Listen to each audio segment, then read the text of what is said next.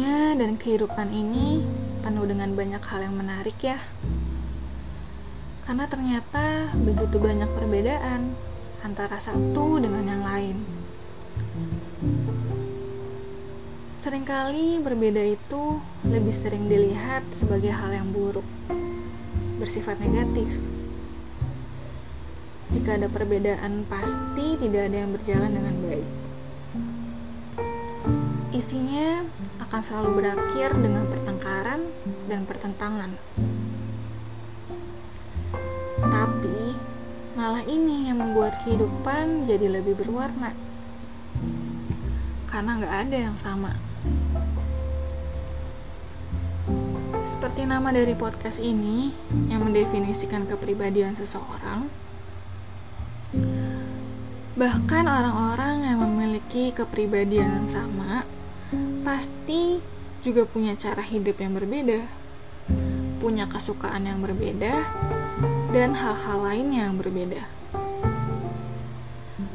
Makanya akan selalu menarik dan seru kalau misalkan kita ketemu sama orang yang memiliki ketertarikan yang sama, punya hobi yang sama, atau kebiasaan yang sama. Aku salah satu orang yang suka observasi atau memperhatikan orang-orang. Jadi aku suka untuk melihat apa yang orang lain lakukan. Dan salah satunya adalah melihat story dari postingan teman-teman aku di sosial media.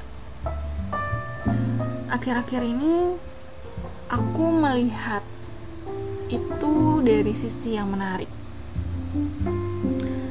yaitu ternyata tidak ada yang memiliki kehidupan yang sama loh. Dilihat dari story-storynya mereka, ada yang sibuk lagi liburan, kerja, makan, kumpul sama teman, kumpul sama keluarga, lagi mempersiapkan pernikahan, atau mereka lagi tunangan main sama hewan peliharaan mereka atau lain sebagainya. Mereka juga memperlihatkan apa hal yang mereka suka dan yang tidak suka. Terus ditambah lagi kemarin aku lihat teman-teman posting feature rap Spotify-nya mereka di tahun 2021 dan sekali lagi, tidak ada satupun yang memiliki top list lagu ataupun artis yang sama. Semuanya berbeda dengan keunikan yang mereka masing-masing. Dan buat aku itu benar-benar hal yang menarik. Sambil melihat story mereka, aku jadi merenung. Aku ingat ini teman-teman aku yang dulu duduk di bangku SMP, SMA, kuliah yang sama denganku. Tapi sekarang mereka udah terpencar melakukan hal-hal yang sama sekali nggak pernah diduga. Padahal dulu sama-sama struggle ngerjain tugas sekolah yang numpuk. Tapi hari ini mereka punya profesi dan karir impiannya masing-masing ada yang kerja jadi pengacara, dokter, menjalankan bisnis sendiri, jadi guru, model, marketing, dan sebagainya. Lalu aku bertanya, kenapa ya? Kok bisa orang-orang punya mimpi, minat, bakat, kesukaan, atau ketidaksukaan yang berbeda-beda? Setiap orang benar-benar punya jalan kehidupan masing-masing. Mereka punya latar belakang keluarga yang berbeda, lingkungan yang berbeda, pola pikir yang berbeda, cara kerja yang berbeda.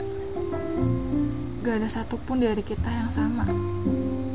Dan itu benar-benar menarik.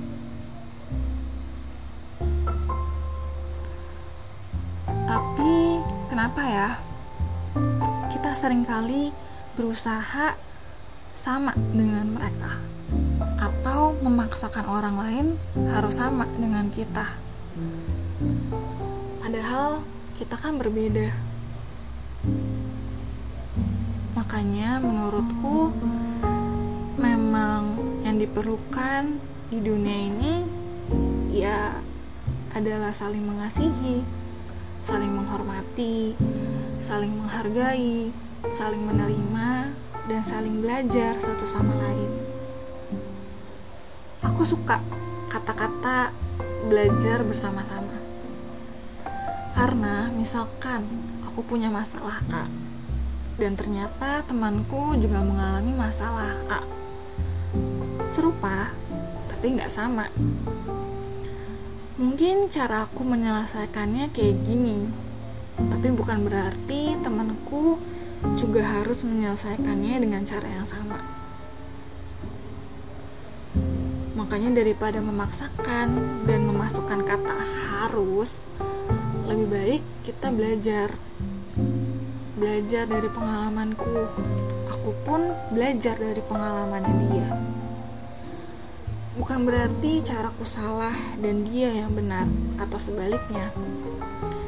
Tapi memang karena kita berbeda saja, makanya punya cara yang salah untuk menghadapi masalah yang sama.